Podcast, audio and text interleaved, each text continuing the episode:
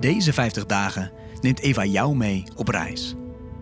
Tijdens dit spannende avontuur, van Pasen naar Pinksteren, ontdekken we wat jij echt belangrijk vindt.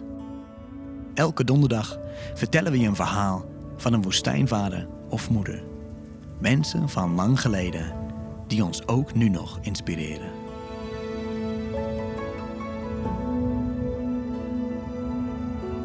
Mozes de Donkere is een hele bijzondere 4e eeuwse woestijnvader.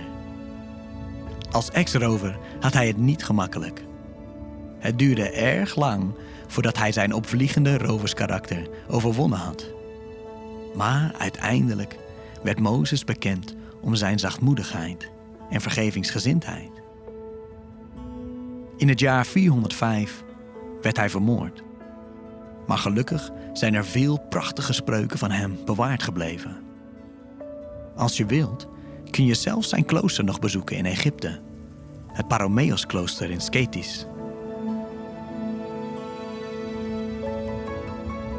Toen een monnik uit het gebied Sketis een ernstige fout maakte, kwam de monnikenraad bijeen. Het hoofd van de raad wilde woestijnvader Mozes erbij halen, omdat hij een wijs man was. Maar Mozes wilde niet.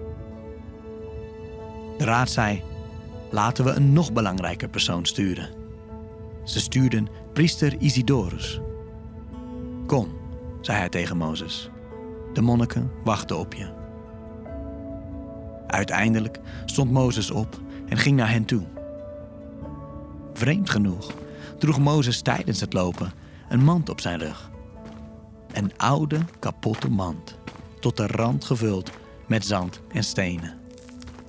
Aan alle kanten vielen het zand en de stenen eruit. Mozes, wat doe je nu? vroegen de monniken verbaasd. Kijk, antwoordde Mozes.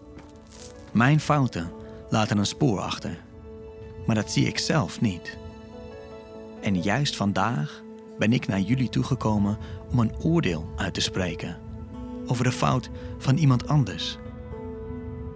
Nadat de monniken Mozes' woorden hadden gehoord, zeiden ze niets meer tegen de broeder die de fout had gemaakt en vergaven ze hem.